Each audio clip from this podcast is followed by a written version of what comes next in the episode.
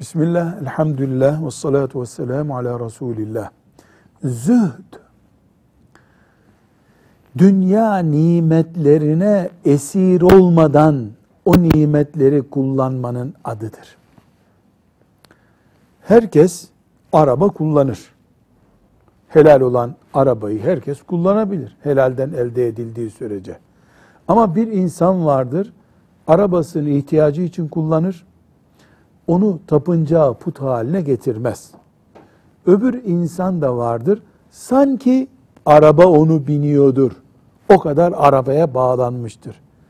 O araba yüzünden evdeki vazifelerini ihmal edebiliyordur, yalana tevessül edebiliyordur, kul hakkına girebiliyordur. Mal onu esir almıştır.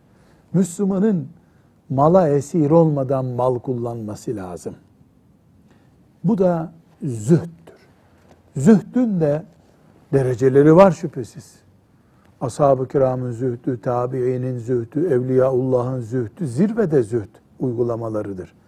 Belki bizimki yine araba sahibi olmak, arabayı yok kabul etmemek ama arabaya da esir olmadan onu kullanmaktır.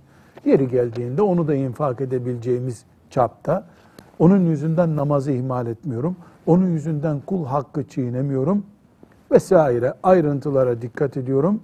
Çoluk çocuğumun maişetini kısarak araba almıyorum. Bu zühd için yapılmış bir yatırım olabilir. Velhamdülillahi Rabbil Alemin.